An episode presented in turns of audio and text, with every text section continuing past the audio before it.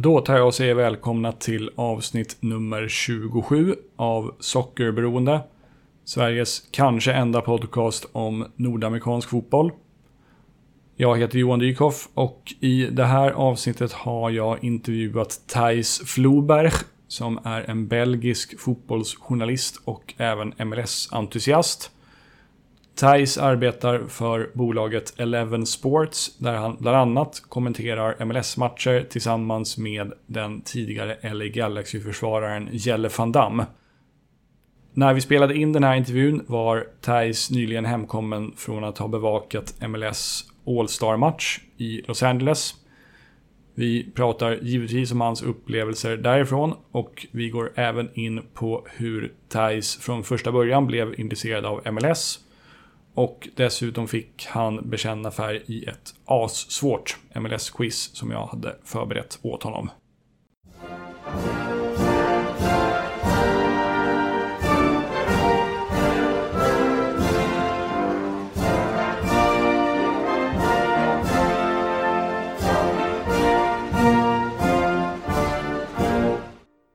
To start off, for those who don't know you, can you just shortly introduce yourself to the listeners and also talk a bit about your interest in MLS? Yeah, uh, short introduction. My name is Thijs Vloeberg. That's going to be a real difficult name for people in Sweden. Actually, all people who don't speak Dutch.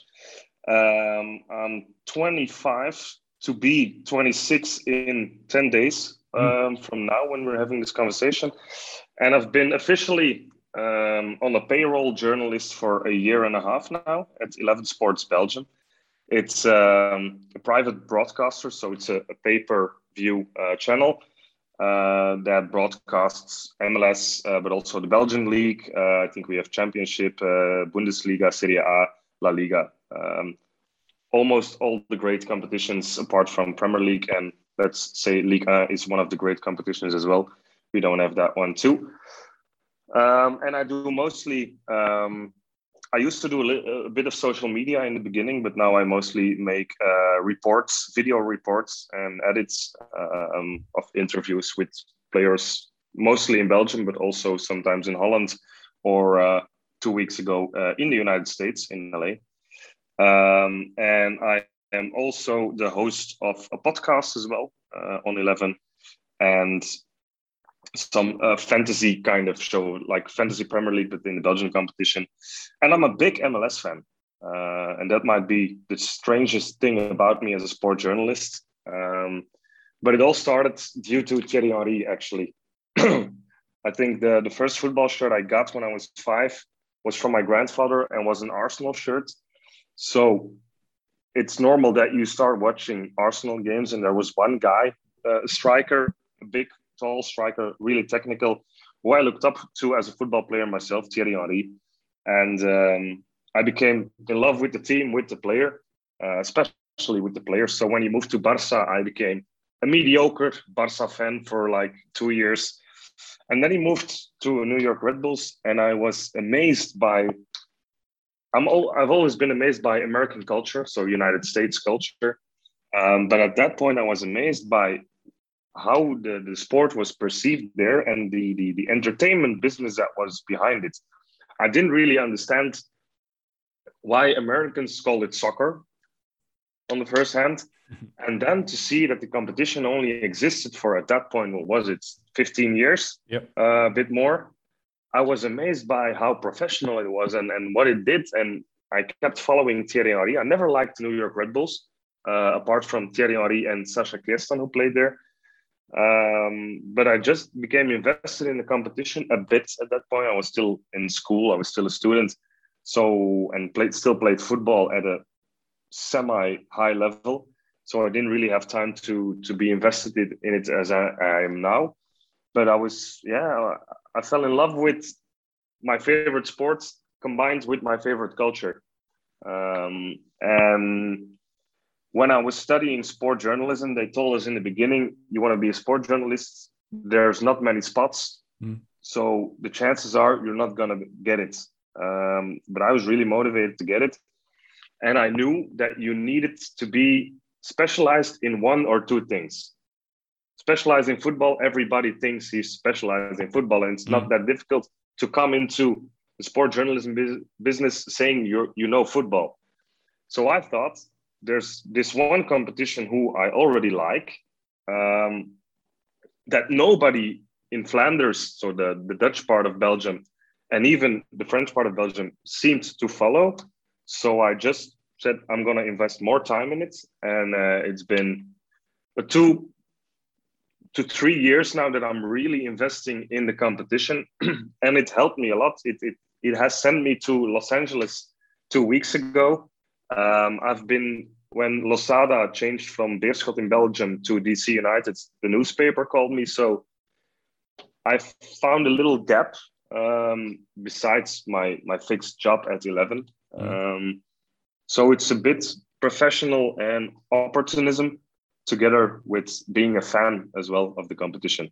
Yeah, that's a great story. I'm happy to hear that you sort of, yeah, as you said, managed to find a gap a gap in the market. Um, and you live in uh, is it Mechelen that you live in? Yeah, yeah, it's We're in Mechelen. Mostly known uh, thanks to Klas Ingesson, I think the former Swedish midfielder who passed away five six years ago. Uh, yeah, that's. I think that's before my generation. yeah, I, th- I, I, think he played. he must have played there in like the mid '90s or something. Uh, it's a lo- long time ago. Um, mm. What makes MLS a league worth following, in your opinion?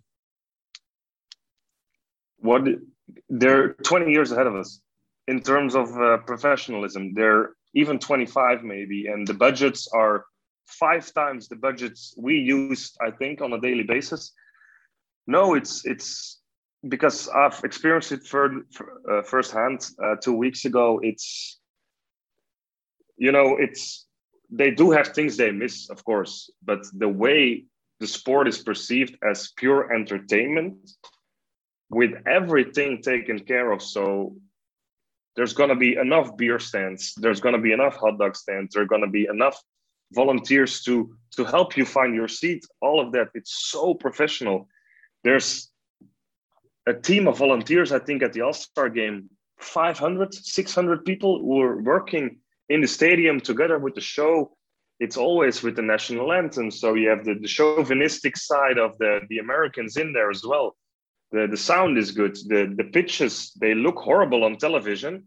The Atlanta United pitch, if you see it on television, it's you don't want to play there. It looks like FIFA but the pitch itself is is of really high quality. Mm. The camera isn't always, or the color grading um, when it comes to Europe isn't always the best, but they're so professional. It's yeah, it's insane.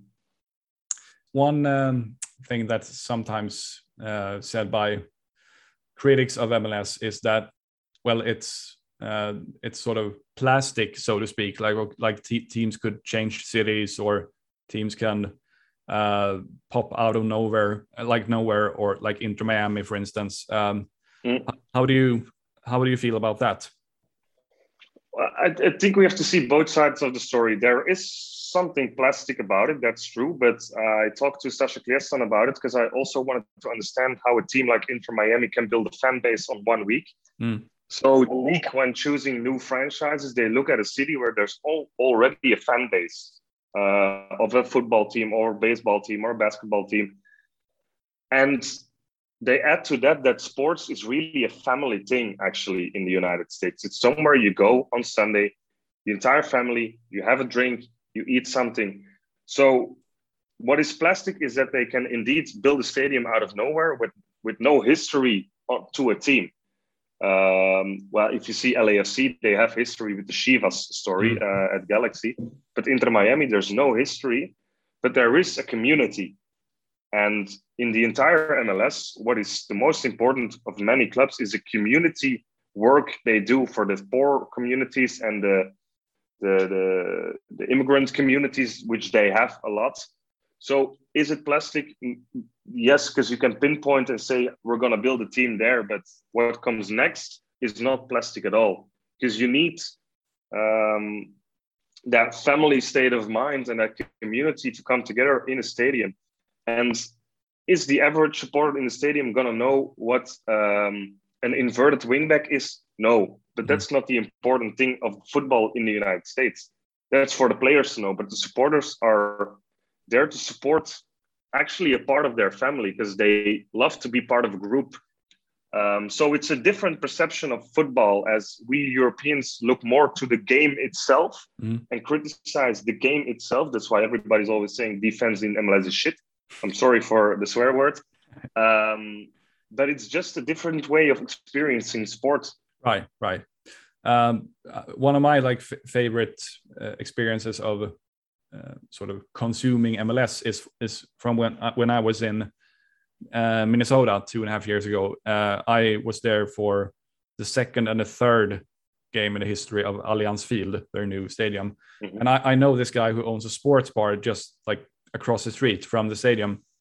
So I, was, so I was there before both those games. They played the LA Galaxy and DC United and there was so many people so many fans in the at that bar and uh, the atmosphere was so great. And it it's it what really struck me was that it felt it really felt like genuine uh, in a similar way that i uh, feel when i go to uh, football games here in sweden with uh, hammarby which is my favorite team here in sweden who's been uh, who was founded in like 1893 or whatever it is. So even though minnesota united has only been around for at that time 10 years or something it still had that it really felt genuine that these people they do actually care about the club mm. and, th- and, that was a re- really like powerful feeling i think yeah they do they they do really care about the club okay mm. there's they can't say 100 years ago we were the best in europe like some clubs can but it's different but they do still care a lot because it's all volunteers almost in the stadium. It's all people who really want to help the club by uh, tapping the beer, by mm. making the, the food. So it's it's a different way, but it's still really caring. Yeah, I think so too. Um, you mentioned your trip to uh, LA, uh, where you attended the All Star game. Uh, what was that experience like? Oh, it was amazing. Mm. it was genuinely amazing. It was even better than I expected because we we went the entire week, well, three days, um, actually, and well, I went there for a job, so it was still to work. It was not just fun, um, but it was yeah. Uh, at first, you feel the professionalism with the press conference and the questions you're allowed to ask and how close you can come, and that's one thing. But then I think on Tuesday I did one thing outside the All Star game. So I went to talk to Victor Vázquez of LA Galaxy, you come in the Galaxy Stadium, you think this is a big club, and in Europe, when you want to go to a big club, you get 20 minutes with a player, you get him on one seat in the stadium, and you, and you're out. Mm. And there it was just we had all freedom, we had all the time we wanted. They even said, "Please send us the footage, anything we can help you with." So that was already fun. Um, also working with outside the MLS organization because the All Star Week is purely the MLS itself and not the clubs anymore on Tuesday, you had then the, the skills challenge, which was a bit disappointed, to be honest. It's actually just a warm up for the All Star game. Um, but still, you, you, you see the people, everybody's happy. The organization, again, is amazing. The budget mm-hmm. is, I don't even want to know the numbers, what they spend on uh, purely visual wise, the graphics they use in, inside the stadium. Um, and after that was and that what is again that mentality that comes to it. It's family, friends. After it, you have a concert because after football, when you've had a drink, you want to go out with your friends. They mm. thought of everything. You get Kaytranada, who's for me, I've been a big fan for years now, but he's a big time DJ. You get Big Boi from OutKast, um, together with Andre Andre, um, who's also a big name. So also that is taken care of. It's their organization. They do it and then the next day, I thought I went back to Galaxy for Sacha Kljestan, an interview with him. And then in the evening, the All Star game, which was actually something I've never experienced before. You see mm. hundreds of people walking on the pitch, firework, uh, flames everywhere, big letters of MLS All Star, um, some VI- American VIPs next to us, which I do not know because I'm not American. um, um, not like as famous as yeah, probably like ba- baseball players or whatever. yeah, and some it was some young guys of LAFC as well, and then ah. some TV personalities. But yeah, I, I do watch some USA television, but it's ESPN. Um, So it's always the same people. They were not there. They were mm. working there. So no, it's been a great experience. The the MLS helped us a lot because, as I said at the beginning to them as well, I know I'm just a Belgian journalist coming to you. You have nothing. You're not obligated to give me anything, but mm. they still tried their best and they helped me a lot. I think the press responsible, Kelly Lozano, who is responsible for everybody in that stadium, was always there to help, to WhatsApp, uh, sending me anything to help. So it's it's it's been great, and it's been an experience that is it's really difficult to compare to what I do here, where it's maybe a bit more formal and a bit more basic than what you get there. And uh, I've always had the dream to my five year plan was always to go in five years. I'm going to work in the United States or in Canada. Mm.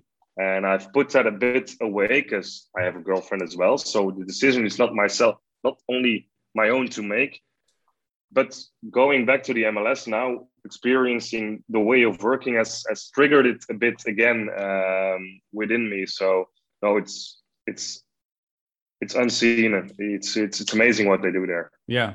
Had you had you been to North America to attend the soccer games before this trip? Uh, no, I haven't. Uh, mm. I've been to New York, but then I was 16 and my mom hated football, so she didn't want to go with oh. me. and as a 16 year old in New York, you're not really able to go anywhere by yourself. And I've been to Montreal. Mm. Um, I think two two years ago, three years ago, like the the, the summer before Corona uh, mm. started uh, a bit. But then there was no game uh, at the moment. I did try to get in the stadium because I think Bacary Sagna was still there, uh, but they didn't allow me for an interview. I was still a student as well, so uh, oh, okay. So I hadn't been to one. I commented games already, but I haven't been uh, in the stadium before. Uh, was the first experience, but I'm hoping if DC uh, reaches the playoffs that I can go to Washington. Oh, an interview and on Losada, perhaps. Losada and uh, the great, the great Andy Najar, of course. Ah, of course, yeah, yeah. Um, would you say that you have a favorite MLS team? Uh, I used, um, and now I don't anymore. Actually, um, I used to be a big fan of Toronto, uh, hence the shirt of Laurent Ciman uh, right. on the wall behind me. Um, because just uh, I I think I'm the city Toronto just for some reason it attracts me. Um, but on the other hand, it, it had Vázquez as well at that point. It had Giovinco, Altidore, who I knew from the Premier League. Um, all great players. Um, and then it shifted a bit. I didn't want to be an LA Galaxy fan because I was like, everybody is an LA Galaxy fan mm. because of Beckham, because of uh, the great players Ibrahimovic played there. Um, so I think last season I made a shift a bit to DC United, um, also because of Hernan Losada, Nicolas Frutos, uh, the, the assistant coach, also comes from Belgium, and then Najar.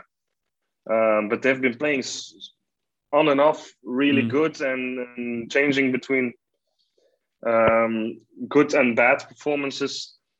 And like the thing as well, if I could go to a club and I like it there, I'm a fan for two weeks. So now it's LA Galaxy because I I kind of in in the friendly way of the word, I kind of fell in love with Sacha Kljestan. So now I'm like, mm, am I a Galaxy fan? So that means that actually I'm I think I'm doing my job by staying objective if I'm just a fan every two weeks of a club. Yeah, I see. it's a, it's the same for me. I've sort of been shifting my uh, allegiance over the years. Uh, I've been I've I've I've, I've never said, said, said that I'm a fan of a particular club, but I I wish the best for for instance minnesota mm. united because i've been there and uh, the columbus crew because of the whole relocation saga with austin and uh, fc dallas every now and then uh, the portland timbers. So I, have had a few as well. Uh, great. I'm really enjoy hearing you talk about your back your sort of mls background um, my plan for the next part of this episode is uh, I prepared an MLS quiz for you. Uh, I'm a huge quiz fan, so I'm really looking forward to see how how you'll do here. Uh, how do you, are you generally a fan of quizzes? Uh, yeah, we at the office we we often do quizzes, um, but I'm the problem is I'm sore loser for one. um, so I I'm somebody who really likes to know everything. Yeah. Um, I think that's why I got into the job of journalism because I'm always asking why and not just saying whoa. I'm Mm. just I'm always asking why is that. Um, and as I've said in the in the little text messages we've sent, is I might not get all the answers right, but I'm up for the challenge. Um, Yeah. And we can always cut this final part of the podcast, and you just have an episode of 25 minutes. no, I'm joking. Uh, if you get like two points out of 30, then we'll then we'll delete this part. it's 30 questions. It's uh, 30 points, but it's not thir- it's not 30 questions. Okay. So uh, Okay. I, I think I think we'll uh, it, it won't be too long. Um, but you feel uh, somewhat confident at least. Uh, well, the thing is, if you say I'm somewhat confident, it's always gonna come back to haunt you. Uh, I think I'm gonna be neutral. I hung up my lucky shirts, so to support me, that's the most important one. Um, and if we don't make it, you know, we don't make it. You know, Yeah. Um, it's it's LA Galaxy not making the playoffs last year. It's still LA Galaxy. You know. I see. I see. Well, I'm looking forward to see how, how we'll do. I, I think it's it's not going to be insanely difficult, but it's some there are some tricky questions definitely. Uh, there are ten questions, and the maximum point is thirty. So some of the of, of the questions are like divided into uh, sub Yeah. questions. Uh, so we'll get started with question number one then. Uh, between 2010 and 2019, eight different players won the MLS Golden Boot Award. Name five of them. One point per correct answer. What are the years again? 2019. Uh, two, 2010 to, 20, to 2019. Okay, so that's Josef Martinez in Yep. 2018, I think. Carlos Vela in 2019. Mhm. Uh, 2020 is Diego Rossi, uh, of course. Um, This, this is this is only uh, un- this is only Jozy Altidore. This uh, this is only to Yeah. uh, 2019. So um, don't Yeah, don't yeah, don't, don't count Um, Rossi. Jozy Altidore is he in there? Uh, no, he's not. So that that's one wrong. 20. So you got Uh, you got two left uh, then. Lee Wright Phillips. Yes. And then one Okay. one more. Um, let me see one more, one more. Zlatan? No, unfortunately not. Uh, he finished. I think he finished second one year, but he never won. The, uh, the, the correct answers were Chris Wondolowski, Dwayne Rosario, Camilo Sanvezzo, Brad Wright Phillips, Sebastian Giovinco, Nemanja Nikolic, Nemanja Nikolic, Josef Martinez, and Carlos Vela. So we got three out of five. That's still pretty good, I Okay. think. Next question. Um, which uh, countries are these former MLS players from? So I'll name, I'll go one at a time. Sam Johnson. Sam Johnson. Mhm. Uh, Ireland? Liberia. Liberia. That was a wild guess. I would I would have never guessed that one. he's actually in uh, Sweden now. He's played in Sweden before coming to MLS, and now he's back. Uh, he's a Yeah. Uh, Liberian striker. Uh, Marco Ureña. I've never heard of that name. Um, He was a striker guess. for. I have to guess. Yeah. He was he was a striker for this the Earthquakes and LAFC. If that's a hint. LAFC as well. Honduras. Close. Costa Rica. Costa Rica. Uh, this one is tricky. I'll admit. Cordell Cato.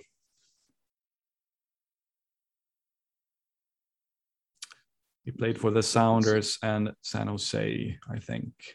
It's a winger. A winger. Uruguay. No clue.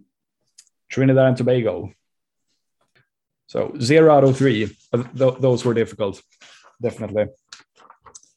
Um, next one, number three. AJ De La Garza, the experienced New England Revolution defender, was born in Bryans Road, Maryland. But which national team did he play for?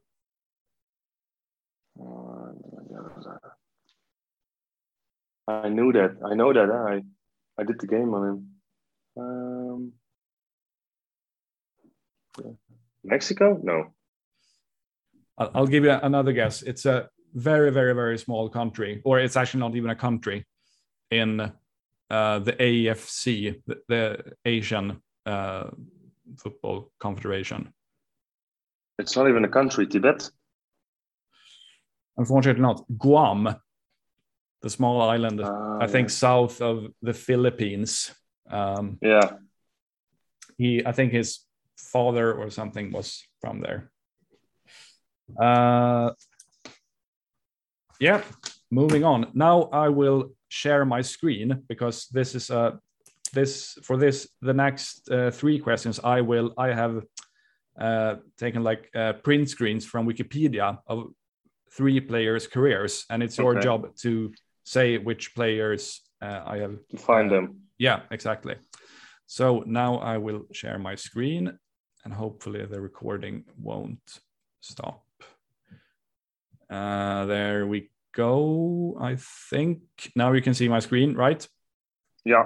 Yeah. So, and since Yeah. since, since the listeners uh, can't see, I will read the clubs as well. Uh, the first player, he played college soccer at University of Mobile and then University of Central Florida. He played PDL for Des Moines Menace and Reading United, and then he his in his professional career he's played for the Colorado Rapids, Vålerenga, Shenzhen, the Tampa Bay Rowdies, DC United, Lorca, Oklahoma City Energy, Bengaluru, and now Northeast United. Yeah, I have no clue. No clue. Uh, no clue. I say if I say that it's uh, Jamaican striker. Uh, Jamaican striker. Uh, is it still active? No. Yep. Yes, he is. No. Yeah, not- but not- for Jamaica. Uh, he might be, but as, as you can see, he's not in MLS. He's in he's in India. Yeah. Um, Jamaican striker. No, I'm not gonna find this one. I'm Ah. sorry. Uh, Deshorn Brown. Does the name ring a bell? Okay. No, not really. No, I it, it might might be before your time as an MLS fan. He was um, in 2013. He was like um, I think it was runner up for Rookie of the Year. So he was really good his Okay. first couple of seasons. So we'll no point there. Then the next next one. I think this one is easier. Uh, where is it? There it is. This player, he played for St. Gallen, Bayer Leverkusen, on loan at Hannover, Schalke 04, on loan at Eintracht Frankfurt, Philadelphia Union, and then St. Gallen again. Yeah, if he played in the MLS in 15, 16, the chances are low of me finding him. Um, This is a Swiss midfielder. I can tell you that much. He played, a Swiss midfielder. yeah, he played a lot of games for the national teams. And as you can see in the Bundesliga as well. Yeah. his first name uh by by the uh, his first name you could you could think that he's a calm person I'm, I'm sorry, I'm not gonna find this one. No, no clue. no tranquillo barnetta does it ring a bell no, No, not as well. he was he was a pretty good uh, bundesliga midfielder in his uh, in his prime uh, he was pretty good for philadelphia when they were Mm. re- really bad uh, the next one he's still active in mls um, let's see this player he played college soccer for the colorado school of mines he then he played one game for the real colorado foxes which i believe is in the pdl and then he played Mm. for fc dallas and then orlando city Yeah, I'm not gonna. I if it's no, I'm not gonna. I'm sorry, I don't know it. If i say that it's uh, an an american striker who is currently at orlando or sorry no sorry he, he, he's he's a canadian sorry Canadian striker. Uh, you have one, you have the Dutch guy, Gerald DK, Pato, Nani. Uh, but he's not really playing anymore. Um, I have the feeling because I have I genuinely don't know who I'm looking for. I'm sorry. Mm. This this player is Tesho Akindele. Yeah. Okay. Um, who now that been you say it, I know it, but yeah. This I was pretty pretty tr- tricky as well. Uh, he uh, I think he started quite a lot this um, this season, but that's because Pato has Mhm. been injured. Uh, he's not meant Yeah. he's not meant to be a starter. Uh, but no worries, there are many points left. So we'll move on to question number five. What's the name of Austin FC's stadium?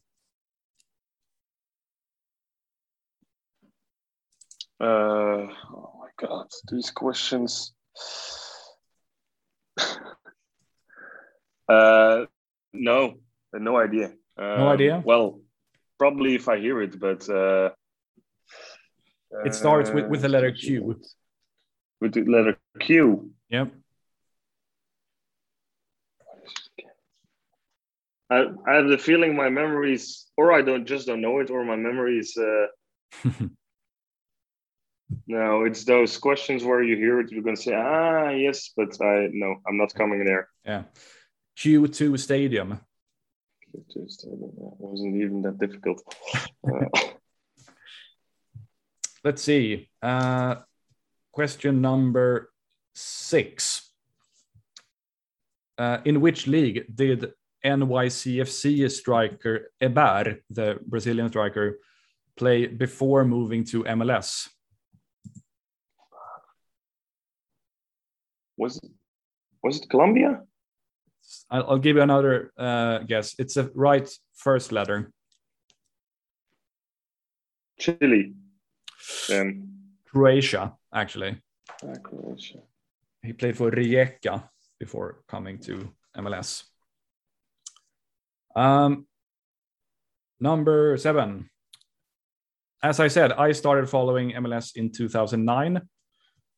Can you name an MLS stadium from that season that is still used and still has the same name? The same name. Yeah. There's So- gonna be a guess. Um, the Action Stadium is still the Dignity Health Park at that time. Uh, no, it was then known as a StubHub Center, but I'll, I'll give you another another try. Um, Gillette Stadium. Yes, there you go. Ah, It's also too long. It's correct. Okay. Yeah, it's right. It's been known as Gillette Stadium for all that time. The the other ones were uh, Dick's Sporting Goods Park in Colorado, uh, Rio Tinto Stadium, and also BMO Field in Toronto. Nice going. Uh, so we'll move on to question number eight. Name as many as you can of the first five picks in this year's MLS Super Draft. Pass. Didn't follow it. You didn't? No clue. No. Uh, I'll give you a few hints then. Uh, one is a, is a midfielder for Austin FC from Venezuela. no, I'm not gonna. um, I really didn't follow any of the drafts, uh, so no clue. Ah, Okay. Not, The, the, the easy ones were uh, that was Oh. uh, Daniel Pereira. He was uh, drafted first. And then second was Calvin Harris, who was who shares his name with a famous DJ. He was drafted by FC Cincinnati. And then the other three haven't played much in MLS. Uh, Philip Mayaka, a Kenyan midfielder who was drafted by the Rapids. Kimarni Smith, who was drafted by DC United.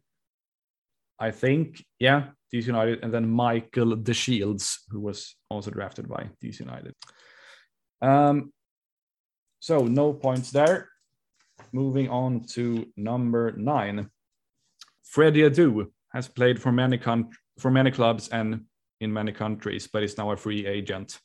Name uh, the latest three countries that Adu has played in, and by that I mean that he is he should at he should at least have been under contract for a club in that country. So there are three countries that I want you to mention. Uh, did, he, did he play in Sweden? Yes, he did. Like one of the latest? Exactly, the latest one. He he was only there for like Uh, two months. Sweden. Yeah. I saw that. Uh, Sweden. Where else did he play? Uh, the three latest. He played everywhere. Um, Russia? Unfortunately, not. Um, one more guess.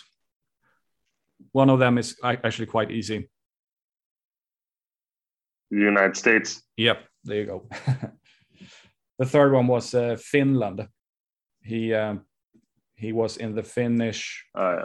Premier Division, and then he moved back to the United States, and then he was a free agent for like two years, bizarrely enough, and then he signed for this third division Swedish club where he uh, he was there for a month or maybe two months, and then he was cut because they didn't think he was uh, he had the physical or mental ability to cope in the Swedish third division, which is quite sad. Yeah. I think. Yeah, it's been the problem all his all of his career, I think, It's especially it- the mental parts. yeah it's it's so fascinating i think too because he when he was uh when he got his breakthrough at like 15, 14 15 he was i mean he was a really really good player. There's no question about it. I mean if, if you watch like uh, highlights from the under 17 world cup in 2003 where he played he was like one of the best players of that Mhm. tournament. So it's not like he he has no quality but he has been too inconsistent and apparently there's been his attitude his um yeah he's he's, he's had a poor attitude uh, throughout his career. Yeah, indeed. but two points. Nice going? Uh let's see. Uh name one of the current designated players at nashville sc Uh, Mukhtar. Yes hani mukhtar. Is one of them. Uh, the other ones are Jhonder Cádiz and Aké Loba, the Ivorian striker. Mm. Uh, has Yossi Benayoun played in MLS? Yes or no question? Benayoun, the guy from Arsenal. Uh, yeah, and Chelsea, the Israelan, uh, the midfielder from Israel. Did he play in MLS? he, played? he trained with uh, a team, I think, a few years back. Uh, it's, I'm gonna say yes. No, he didn't. He never. I. I. When you said it, I. I do. I think I also remember him practicing with some team. I can't remember which team it was, but he never signed with an MLS team. Uh, he. Mm. Let's say he played for the last couple of years. Yeah, he spent various clubs in various clubs in Israel, Queens Park Rangers, but never MLS. Let's see. Uh, name three current MLS coaches who also played in MLS. One point per correct answer. Who played in MLS? Mm-hmm. Bob Bradley? Fortunately, not. But two more guesses. No. Um, There are quite a few, so uh, but he he's not one of them. Uh, uh, what else do you have? Um, Pineda? Yes, Pineda played. He played for Seattle And, and is now the head coach of Atlanta. yeah. And who else played in the MLS? Um, oh, Bradley didn't play. I need a third one, but Mhm. I just. mm, to- to- to- Mm. Chris Armas? Yes, oh, but he's um, he's not a head coach anymore. Oh, he's not he was sacked. But anymore. but you, you, you can have another guess. Uh, let's go for Greg Vanney then. Yes, he played in MLS. Nice go, and he played for uh, the Galaxy. I know, and perhaps some other club as well. Yeah, he's one of them. The other ones are Oscar, Oscar Pareja, Raphaël Wicky, Jim Curtin, Robin Fraser, Luchi Gonzalez, Pablo Mastroeni, Caleb Porter, Tab Ramos, Peter Vermes, Josh Wolff, and Giovanni Savarese. So quite a few. But two out of three. Yeah. Um, next one. Name one of the three top goal scorers in the MLS history of Minnesota United. Minnesota United. uh, I'm not gonna get that one. I think no. Uh, if I give you these clues, that one of them today plays for Houston, and one of them today plays for Columbus, and one was recently sold, uh, or uh, and the third one was recently sold to a Scottish club. A Scottish club for Columbus now. No, Scottish club. Ah, yeah, it's is a guy at Kilmarnock? No, the other club. He moved to uh, Aberdeen, um, the one. Um, uh, Aberdeen. Uh, so there's one. No, I'm not good. No, uh, the one. Uh, Darwin Quintero is one. He's at Houston now. Kevin Molino, who's at Columbus. Ah, and, Kevin Molino, yeah. And the guy who's now at Aberdeen is uh, Christian Ramirez. Should have known Molino.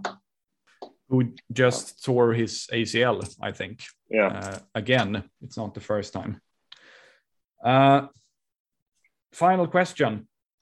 I think that this might be hard because since you became a MLS fan fairly recently, but what happened to the San Jose Earthquakes after the 2005 season?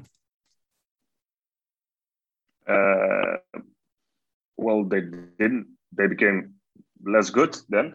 Um, don't really know what you're going for, uh, to be honest. So no there, clue. There was like a, a, major, major change with the earthquakes after the 2005 season. Uh, no, no clue. No? Sorry. They relocated to Houston and became the Houston Dynamo. Uh, so and they came back. Yeah, exactly. Earthquakes. They came back in, or uh, yeah. Okay. So what was then the earthquakes? They uh, relocated to Houston after the 2005 season, and I think that was because they couldn't find a place to build a stadium in San Jose. Uh, so they moved the team to Houston, and then in 2008 i think uh, the earthquakes was sort of reborn but the houston dynamo are obviously still around so yeah. the earthquakes was eff- effectively like an expansion team then but they kept the earthquakes name. Um, let's see how many points you got. There was this was trickier than i thought. Let's see one two three. Uh, you got the three of the top scorers. Three, four, five, six, seven, eight, I think. I'll count it again. One, two, three, four, five, six, seven, eight, nine. Sorry, I missed Hani Mukhtar nine points. This this was tricky. I'll I'll admit it. I I haven't had that bad of a grade since I went uh, to high school, but uh, don't worry, don't worry. Uh, I mean, it, it, I I know it, it is difficult uh, because I had a few questions before uh, from before your time as an MLS fan. So don't worry. Uh, I, I I wouldn't do well either if if I got questions about like the 2003 MLS seasons. It would be tricky as hell, definitely. Uh, before we wrap things up, I would like to ask, like, how do you, um, to what extent have you followed this year's MLS season, and uh, what are, do you have any particular uh, like uh, thoughts about the ongoing season?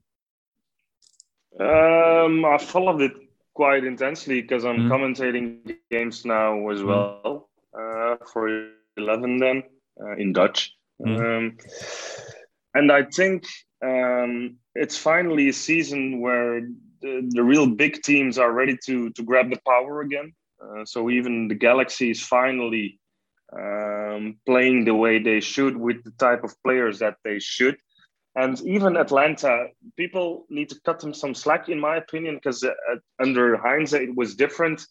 But we can't forget about uh, Atlanta United and what they did when they just came into the competition, but still the kind of team they are. Together with DC United, um, it's slowly coming, but the way Losada changed his team by putting Najar at center back to cover in between the spaces of defense and midfield, something that has rarely been done in the MLS. Mm. So I think it's it's time for the dynasties, uh, the MLS dynasties, a bit to to come back into the play. Because uh, I think LA Galaxy had a, a, horrible season last season, but they're coming back, and we should not sleep on Montreal. They're mm-hmm. quietly under Wilfried Nancy and Laurent Ciman. They're still in that playoff spot. Nobody hears from them or Tom actually, but a really hard neck and they've been playing really with actually one of the, the, the smallest budgets in the competition and not the biggest fan base in a city that is not crazy about soccer mm. with players who don't really have the quality of the players that uh, even Toronto um, without the real playmaker Giovinco and Pozuelo hasn't been that good this season. The quality isn't there, but the team is there, and that's something which we know in MLS is even more important than than individual talent. Mm. But I'm rooting for. I'm guessing that LA Galaxy is going to take it home this season if Chicharito becomes fit again. You're not uh, rooting for, or you don't think uh, New England, who has been the best so far, will will take it. I'm not sure about New England because mm. um, I saw them play against. I think it was Atlanta, where I commented the game and I was not amazed by the way they play. I had often the feeling that Gustavo Bou and Buksa would just run into defenses and hope the ball comes out. And against Atlanta, they were tested on individual talent, but Atlanta at that point was not a team, so they won. But I have the feeling that once we, we will come to the playoffs and they're going to be coming up against teams who and have a tactical plan and have individual talent, which we've already seen the last few weeks where New England has been trembling a bit, not completely, that they're going to get into issues because defensively I was not convinced by them.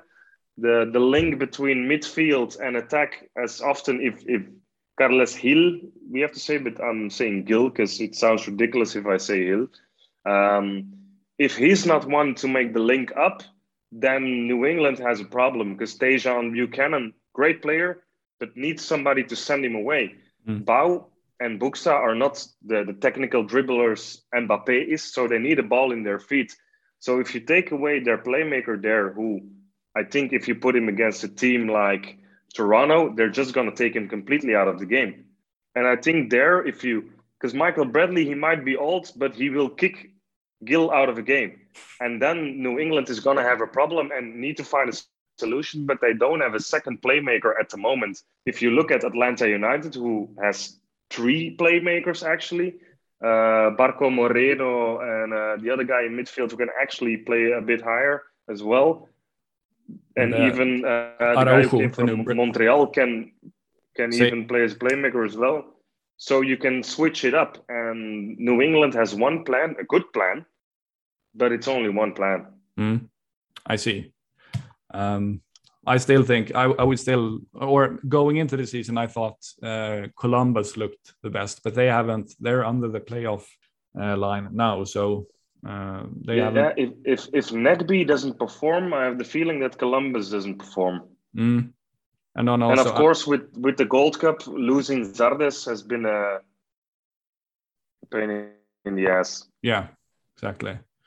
Um, what about the Belgian players who have been in MLS? You mentioned uh, Laurent Ciman, uh, who played for Montreal, LAFC, and Toronto. Uh, yeah. We've also had Roland Lamah uh, with Dallas and Cincinnati, yeah. and and also in recent years Jelle van Damme, who was at the Galaxy for I think only a year and a half. Um, yeah. Th- th- this was before. Uh, this was perhaps before you started following the league closely. Um, yeah, when when when Ciman Jelle played, I, I did follow follow those games. Uh, Jelle van Damme is also my co-commentator for uh, oh, the, the MLS games I do. Um, he's a legend in Belgium, even in the MLS, because I talked to Soccer America, and he even talked fondly about uh, Jelle van Damme, who's, like you said, only been there one year and a half. We haven't had much Belgians. We had Belgian links, of course, with uh, Hernan Losada, Frutos, uh, Pozuelo, Vázquez, Najar. So we have quite a few names, even Kubo at Cincinnati, for example, mm. Randall Leal, of uh, who's playing like a madman now at Nashville, played in Belgium as well. But you know, for Belgians really to go overseas, it's still difficult because it's it's not Europe, you know. It might be. And we're quite. Yeah. No, go ahead. Uh, so, so they might be like, uh, if they're in their mid twenties, they might hesitate to move to. This it it might still be the case that they hesitate to go to MLS. Yeah, because I talked to Daan Heymans, who's a Belgian player who plays at Venice, Venezia now, mm. and he asked me as well, "Yeah, you think the MLS is something for me?" And I had to be honest as well to tell him, "Yeah, but not." Because he still has to develop, and I do feel that for a young player of his qualities, development is always going to be different in Europe. Mm, I see. Than in the MLS, because that's why all the young guys from the MLS are now moving to Europe at a, a really early stage in their career. Mm. Yeah, I mean, I, yeah, I, I, if I were like an agent or advisor, I probably wouldn't advise um, someone who's like 20 or 22 to go to MLS. But maybe if, if they're like, I don't know, 26 and they play for a mid-table Dutch team, if they and if they get the opportunity, why why not? Like or or or Belgium or yeah. France or whatever. Uh, I think it, it can be a really, really good experience. I think so too.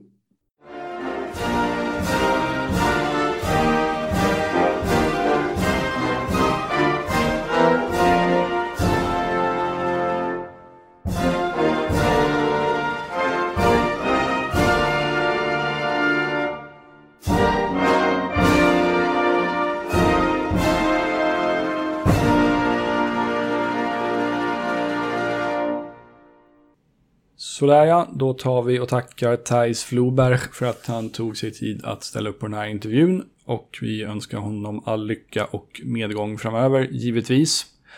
Jag ska rätta mig gällande en sak som jag sa under intervjun. Jag sa att LA Galaxys hemmaarena hette eh, StubHub Center 2009. Det gjorde den inte. Då hette den nämligen Home Depot Center. Och sen efter det fick den namnet StubHub Center i ett par år och numera heter den Dignity Health Sports Park. Så jag är inte felfri på något sätt. Eh, det var allt för idag. Hoppas att ni tyckte att den här intervjun var kul. Det är alltid roligt att få prata med andra personer som likt mig inte bor i USA men, eller Kanada men som ändå följer MLS. Det blir säkerligen fler intervjuer av den här typen framöver. Tack för att ni har lyssnat. Håll utkik efter fler avsnitt i feeden och ta hand om er och ha det så bra så länge. Tja tja!